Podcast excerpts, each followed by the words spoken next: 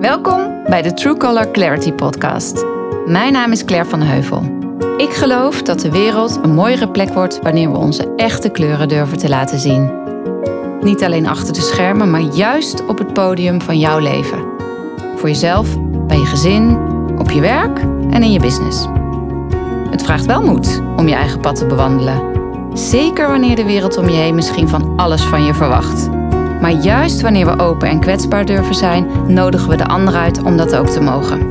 Er ontstaat helderheid en echte verbinding. clarity Luister maar. wherever you go.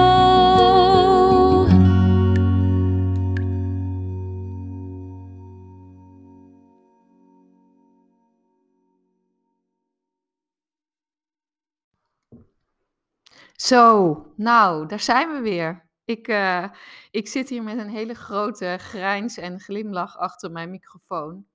Want ehm, ik, heb, eh, ik had, denk ik, nou, zo'n zeven pogingen. eh, ik heb, denk ik, zo'n zeven pogingen gedaan om, om deze aflevering op te nemen. Ehm, waarbij ik elke keer vastliep. En de grap was, waarom zit ik dan nu zo te glimlachen? De grap was dat ik, voordat ik startte, had ik een kaartje getrokken. Eh, want de meesten die, eh, die deze podcast beluisteren of die mij al wat langer kennen, die weten dat eh, dat een van mijn go-to ehm, eh, tools is. De, het, het gebruiken van kaarten, Cardex. En, dus ik had een kaartje getrokken en die, die, de kaart die ik trok, die kwam uit de Shaman's Dream Oracle deck. En was de kaart van de First Breath, de Beginner's Mind. Dus ik zag dat kaartje en, eh, en ik dacht, oh ja, nou prima. Ehm, first Breath, Beginner's Mind, we gaan er open in. En ik, en ik weet, eigenlijk weet ik, dat als ik dus met een soort van intentie en bewustzijn een kaartje trek, dat ik hem ook even moet lezen. Maar dat had ik niet gedaan. Ik dacht, ja, nee, I get it. We gaan er open in. en ehm, nou, na poging 7 dacht ik net, voordat ik deze ging opnemen, hmm, misschien moet ik toch even dat kaartje lezen. Want wat gebeurde er elke keer? Ik, eh, terwijl ik deze podcast nu opneem, eh, leven wij op 21 februari 2023. En de, ehm, de laatste episode die ik had opgenomen, die dateert alweer van, eh, van einde, einde zomer, 31 augustus eh, 2022. Dus daar zit nogal wat tijd tussen. En mijn eh, gestructureerde, perfectionistische deel wilde graag dat daar dan een mooie brug voor kwam. En dus probeerde ik eh, in die opnames van net jullie mee te nemen in, ehm, nou wat is er dan eigenlijk allemaal gebeurd? Want er is zo ontzettend veel gebeurd de afgelopen maanden.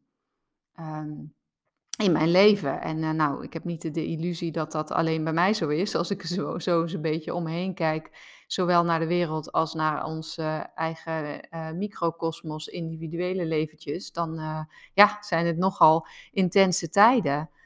Zowel met hele mooie dingen, maar ook met hele verdrietige dingen. Ook in mijn leven. En ik dacht, nou, ik moet een beetje duiden, wat is er dan allemaal gebeurd en wat heb ik in de tussentijd gedaan? En daar liep ik de hele tijd op vast omdat ik, eh, nou ja, eh, dat, werd, dat werd gewoon een soort van aan elkaar geknoopt. Oh ja, en dit ook nog en, en dit ook nog. En ik dacht de hele tijd van, ja, eh, dikke kans dat degene die deze aflevering weer opnieuw gaat luisteren, iemand is eh, die vaker mijn podcast luistert. eh, en of via mijn social heeft gezien, hé, hey, er is weer eindelijk weer eens een nieuwe aflevering. Dus nou, die mensen, die, die hebben waarschijnlijk wel het een en ander gevolgd en meegekregen de afgelopen paar maanden. Dus voor wie zit ik dit dan zo netjes eh, te proberen te, eh, te, hoe noem je dat, Eh, terughalen? Of, eh, nou, anyway, er is een woord voor, kom er even niet op. Dus dat lukte niet helemaal. En ik dacht, oh, oké, oké. Nou, die kaart. En daarom zit ik hier natuurlijk weer te glimlachen. En ik zal de kaart even met je delen. Um, first breath. When the first breath card shows up for you, it is time to leave the old stories and tales behind. You have arrived. Take a deep breath and another. There is nothing else you need to do but take in the new world that is revealing itself around you. Trust your natural curiosity. There is no need to dwell on how difficult the journey has been or how, how tight the passage to get to where you are now. Just take it all in and experience the awe and wonder of your arrival at this destination. Even if it's a familiar place you have come to many times before, try to experience it as it's for the first time. For you are renewed and the old you is no longer your concern. Practice the beginner's mind, not labeling or naming what you see and experience. The situation that was so difficult only a few days or months ago, just be with it and breathe. You have already gone beyond it, have overcome and resolved it, even if no one else realizes this yet. Soon enough they will, as you move on. Do not squander the power of first breath, giving the old narrative mouth to mouth resuscitation. Reanimatie. Use it for new beginnings to animate a world you can play and create in. Do not underestimate the power of your breath and the magic of the word.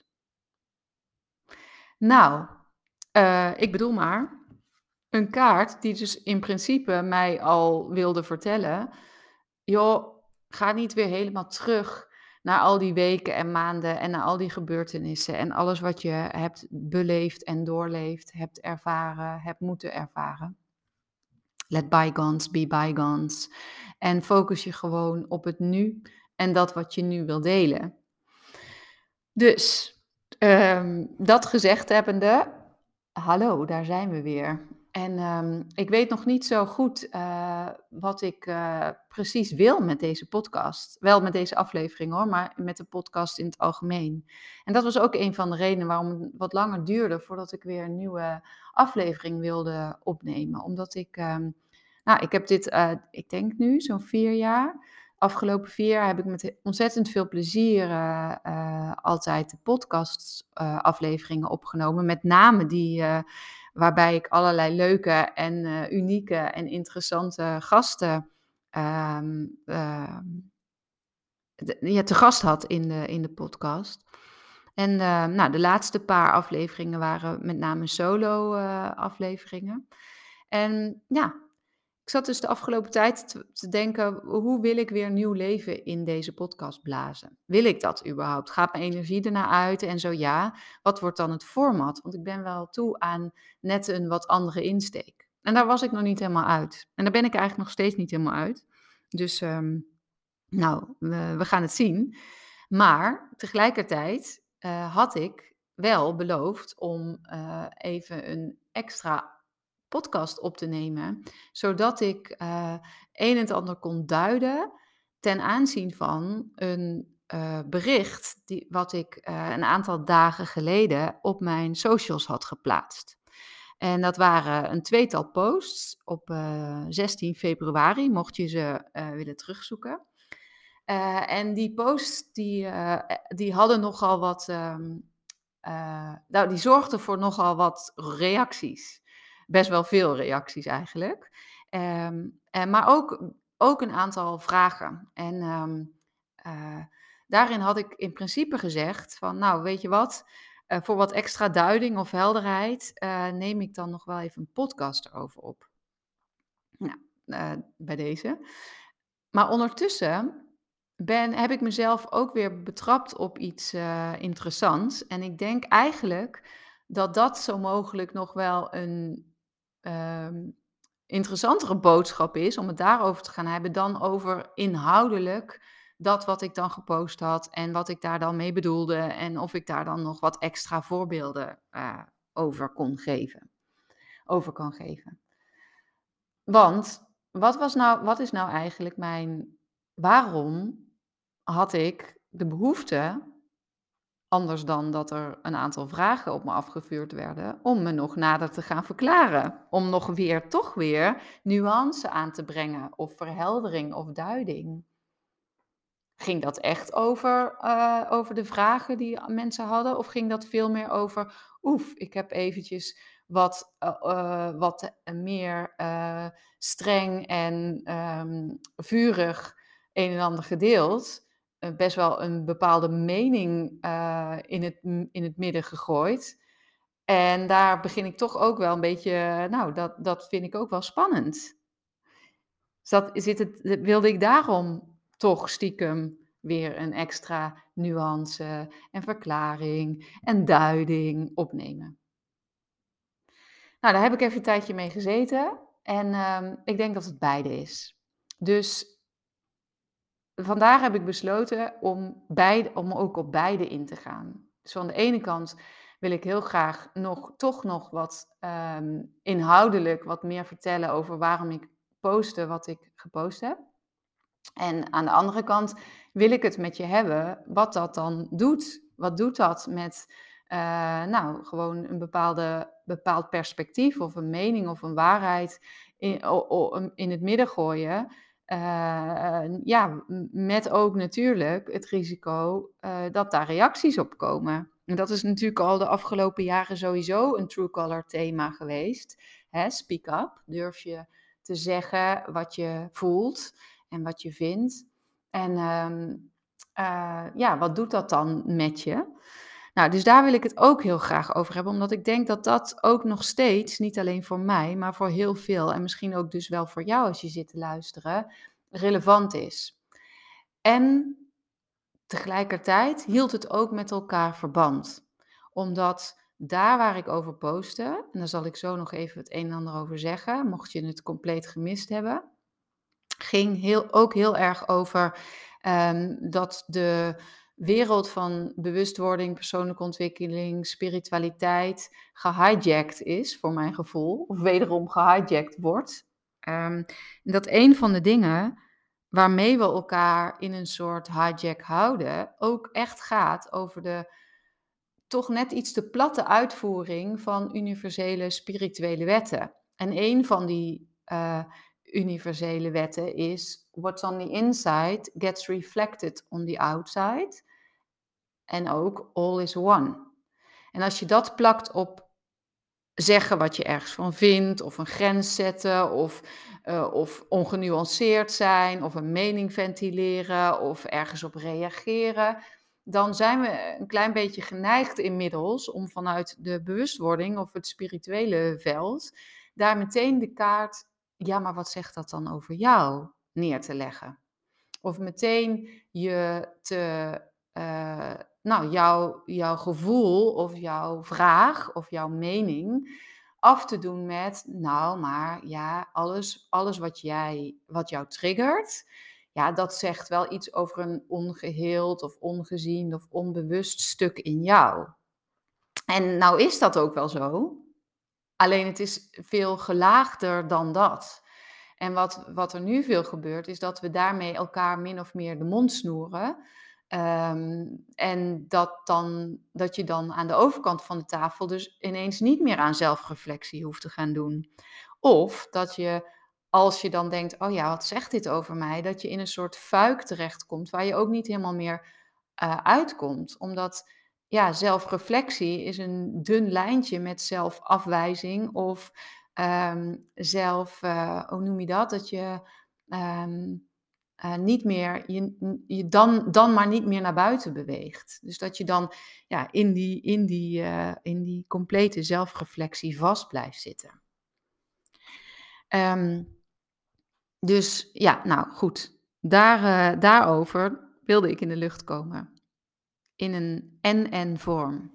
En de, het onderwerp, inhoudelijke onderwerp waar ik over geschreven had, ging dus deel, deels over, uh, hè, de, uh, ik, ik, deelde uh, met, met jou of met jullie, of met degene die, die mij volgen of die het gelezen hebben, dat ik, dat ik persoonlijk de afgelopen maanden enorm heb geworsteld om me te verhouden tot, nou ja, echt tot zo ongeveer alles wat ik om me heen zie gebeuren. En dat ik met name op het werkveld waarin ik me begeef, en dat is in dit geval de, de, de persoonlijke ontwikkeling, bewustwording, uh, mentorachtige coach, guidance hoek van de wereld. Dat ik met name, uh, ja, vooral denk ik ook online, maar zeker, het zal ook offline zo zijn, dat ik ja, me er niet meer toe kon verhouden, omdat ik steeds vaker echt het gevoel had van, ja jeetje, dus weer een domein en weer een onderwerp wat gekaapt wordt. Dus, dus iets wat eigenlijk uh, puur is, uh, verwoordt dan toch weer tot een bepaald uh, verdienmodel, wat gewoon voor mij niet klopt. Omdat ik denk, ja, het klopt voor me niet, maar het deed me ook echt verdriet en het maakte me ook moedeloos, maar ook echt boos, omdat ik ook echt dingen zag gebeuren en zie gebeuren waarvan ik denk, nou, maar dit kunnen we toch helemaal niet maken, joh. Ja, en dat werd dan dus enerzijds de mond gesnoerd met die, oh ja, maar wat zegt dat over jou mantra? Waardoor ik me er toch maar niet over uitsprak. Er waren nog veel meer redenen waarom ik me er lange tijd niet echt over uitsprak. En die zal ik dus straks in, die, in de tweede aflevering, uh, zal ik daar wat over zeggen. Um, en waar ik dus ook over schreef, was dat ik een inzicht kreeg terwijl ik over, over het strand aan het wandelen uh, was, wat uh, te maken had met um, ja, een soort metafoor die me aangereikt werd in de energie. Die ging over de tempelreiniging, de passage van de tempelreiniging uit de nou, Bijbel, denk ik dat het is. waarbij Jezus dus op het, um, op het tempelplein alle kraampjes van alle markt- en kooplieden omvergooit. Uit woede dat ze daar staan op een, op een heilige plek voor de tempel, op het plein, om de mensen die de tempel willen bezoeken, uh, voor politiek, economisch um, gewin proberen dingen door een strot te duwen, als het ware, te, in plaats van ze gewoon te helpen.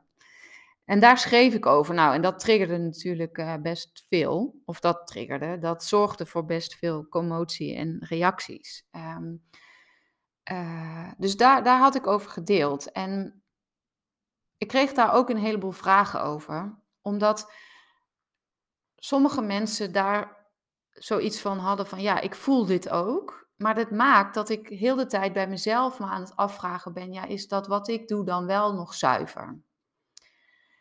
En uh, nou, dat vind ik dan, dat vond ik interessant, omdat ik dat ook bij mezelf opmerkte, dat ik dat zelf dan ook deed. Maar ook omdat ik denk, ja, de mensen die dus dat zich afvragen, die zijn vaak best wel met wat discernment en een, een, en een bepaald kompas aan het werk. Dus um, mijn posts waren helemaal niet bedoeld om die groep nog meer aan het twijfelen te brengen. Omdat ik ook een heleboel mooie dingen zie gebeuren. Maar dat ik wel ook denk dat het altijd goed is om um, onszelf goed af te blijven vragen: hey, ben ik ondertussen in een bepaald vacuüm terechtgekomen? Wat ook heel vaak onbewust en automatisch gaat, waarbij ik daar waar ik misschien eerst de intentie had om anderen te helpen, nu toch vooral bezig ben met mijn eigen business en verdienmodel. En daar is ook niks mis mee. Ik bedoel, hè, uh, by all means, maar ben daar dan wel eerlijk over. Dat was eigenlijk een soort van mijn boodschap.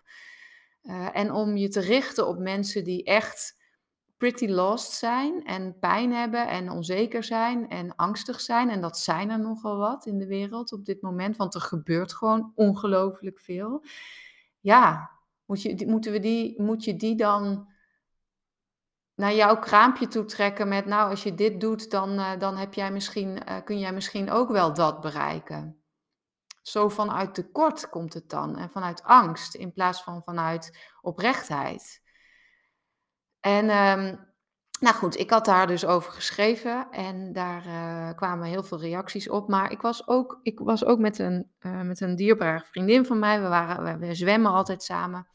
En zij triggerde mij ook, of triggerde, dat is meteen weer zo'n intens woord, maar zij, zij bracht mij, zij, uh, maakte mij, zette mij aan tot nadenken.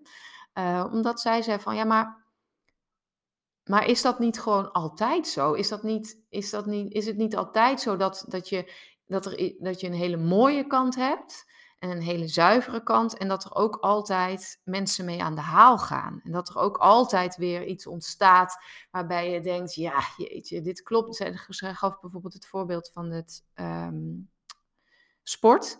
Hè, dan, is er, dan is er zoiets moois als sport. En dan is, ontstaat er binnen, dan ontstaat er ook altijd weer een corrupte kant. En een kant die alleen maar money-driven is. En een kant die gewoon niet meer klopt. En dat is bij in de entertainment-industrie ook zo. En in de financiële industrie ook zo. Ehm, en ja, ik denk ook dat dat zo is. En tegelijkertijd, want, want haar ding was een beetje van, ja, moet je, laat je daar nou niet door uit het veld slaan. Trek het je niet aan, blijf gewoon je eigen zuivere pad bewandelen. En in het geval van sport bijvoorbeeld, blijf gewoon lekker sporten. Laat die hele andere wereld, laat het gewoon gaan, joh. En deels ben ik het daar ook echt mee eens. En dacht ik ook, ja, waarom maak ik me er nou eigenlijk zo druk over? En, dus niet per se of, maar en van de andere kant, is dat nou eenmaal ook hoe ik echt gewired ben. En hoe ik denk dat in een weg naar een meer bewuste samenleving we met elkaar toch ook het pad af te, af te leggen hebben. Uh, van dat je dus ook even in een, in een fase van je pad terechtkomt op een stuk waarbij je om je heen aan het kijken bent en denkt: Jezus, maar dit klopt gewoon niet meer. Want we hebben in eerste instantie wel dat ook wel te zien, vind ik dan. En in mij zit dus kennelijk iets van een soort Kali, die ook vindt dat ze dan met haar vuist op tafel moet slaan en daar licht op wil schijnen en wil zeggen: Maar kijk dan, dit klopt gewoon niet. Dit is niet oké. Dit moeten we niet willen met elkaar. En het kan ook zo. Dus voor mij is dat en-en. En ja, dat zal ongetwijfeld van alles over mij zeggen, maar dat is wel wat ik voel dat ik hier wel toch ook te brengen heb. En daar zal ik het in de volgende aflevering ook nog wat meer over hebben.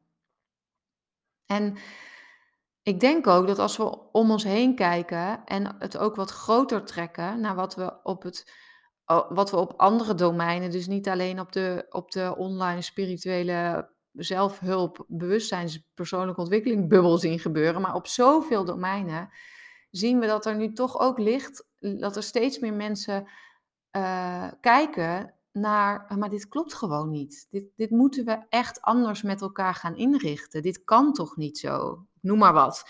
Neem een Shell als voorbeeld, die nu een, die, waarbij de jaarcijfers nu uh, naar boven komen. En, en, blijkt dat ze major profits hebben, hebben dit jaar. Terwijl wij over de as van angst en tekort uh, aan de pomp enorme prijzen moeten betalen, want er is oorlog. Wat klopt hier nou niet? Hè, dat, ik noem maar even echt een macro-ding. En het deed me dus ook denken aan een heel mooi gesprek wat ik, um, wat ik met mijn vader had een aantal weken geleden. Uh, en dat vond ik zo, zo treffend en het raakte me zo erg dat ik het daar met hem over had. En dat wil ik ook heel graag met je delen, omdat het ja, voor mij ook zo mooi als nog een extra voorbeeld is en een illustratie van um, ja, da, dat wat ik bedoelde te zeggen met hijacked, maar ook met tempelreiniging. We hebben op zoveel domeinen hebben we als mensen wat mij betreft, en ik ben daar ook niet heilig in en ik doe dat ook waarschijnlijk op een aantal vlakken nog helemaal niet uh, altijd even bewust. Iedereen heeft onbewuste lagen, voortkomend uit waar we vandaan komen. Maar we worden wel met enige urgentie uitgenodigd om echt vanuit een ander bewustzijn onze systemen te gaan inrichten en met elkaar de dingen te gaan organiseren. Of dat nou in de spirituele wereld is of aan de pomp, of in dit geval het gesprek waar ik het met mijn vader over had. Want um, nou, mijn vader en ik, uh, het raakte me omdat ik dan toch denk, ja, daar kom ik dus toch vandaan. Mijn kompas is toch voor een deel heel erg mooi gevormd door hoe ook hoe ook zij op hun manier uh, bezig zijn op het vlak waar, waar hij zich dan bijvoorbeeld in dit geval begeeft. Want mijn vader die is nou inmiddels 74 en is stil, nog steeds aan het werk. En, uh, niet werken is lastig voor, ik denk ook wel voor die generatie, want ja, volgens mij identificeren zij zich nog veel meer met dat wat ze doen. En hij is er ook heel bevlogen over, maar hij begeeft zich op het vlak van, hij is consultant, adviseur op het vlak van grote fusies en overnames en dan met name bij familiebedrijven. En nou, we hebben het niet zo heel vaak over werk, want hij vindt dat hij niet zoveel begrijpt van mijn vlak. De, in dit geval, nou ja, noem het spiritualiteit of whatever, persoonlijke ontwikkeling. En ik vind van mezelf dat ik niet zo heel veel kaas gegeten heb van de fiscale economische wereld. En de terreinen waar hij zich op begeeft. Dus zo vaak praten wij niet met elkaar. Maar uh, we hadden een mooi gesprek en hij vertelde mij um, dat hij op dit moment twee grote projecten aan het begeleiden was. Van twee families die in een overname en in een verkooptraject zitten. En dat in beide gevallen, um, nou, min of meer toch wel de opdracht was van kun, kunnen we kijken hoe we er zoveel mogelijk uit kunnen halen. Dus kunnen we kijken om, ik zeg maar wat, een bedrag, um, uh, kunnen we kijken of we van 50 ook 60 miljoen opbrengst kunnen realiseren. En hoe zullen we die deal dan aanvliegen? En um, de motivatie daarvan was dan, want voor ons, het lijkt ons zo mooi om het ook voor onze kleinkinderen en misschien zelfs onze achterkleinkinderen, dan is dat allemaal al geregeld. Dan hoeven zij zich ook geen zorgen meer te maken, ma uh, geen zorgen meer te maken in het leven. En mijn vader deelde dus met mij dat hij daar steeds, in, steeds meer in grotere mate mee worstelt en dat hij dus continu twee perspectieven ook op tafel legt bij dit soort gesprekken met, met die families. En het ene perspectief gaat over de vraag: ja, is het wel zo'n goed idee om het voor kleinkinderen en achterkleinkinderen dan in dit geval op financieel vlak allemaal al geregeld te hebben?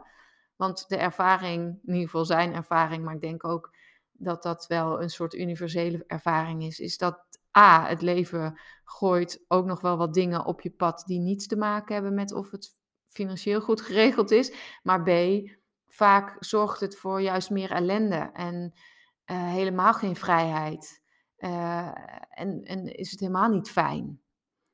Dus dat één, kunnen we het daarover hebben met elkaar? Is dit überhaupt wel zo'n goed idee? En hoeveel moet dat dan zijn? Want ja, natuurlijk, ik snap dat je iets voor je kleinkinderen wil doen. En by all means, dat is ook je goed recht en fijn. Maar hoe ver moet dat dan gaan? En dat bracht hem dan op het tweede perspectief, namelijk die familiebedrijven, die hebben vaak um, werknemers, zeg 100 tot 150 werknemers, die er in sommige gevallen ook al jarenlang werken, want dat is wel een rode draad vaak bij familiebedrijven.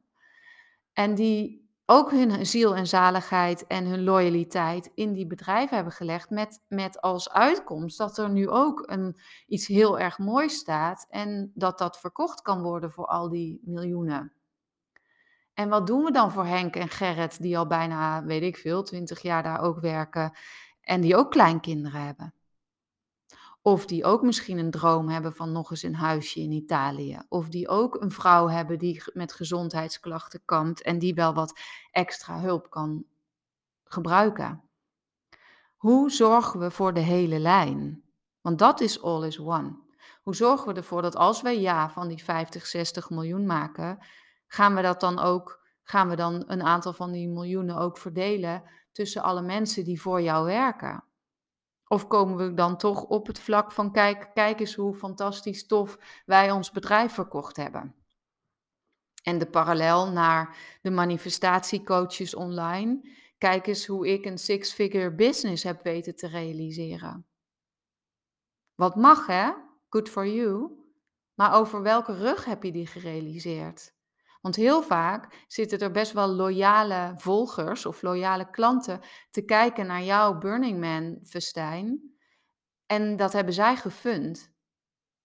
Maar is hun leven er ook beter op geworden?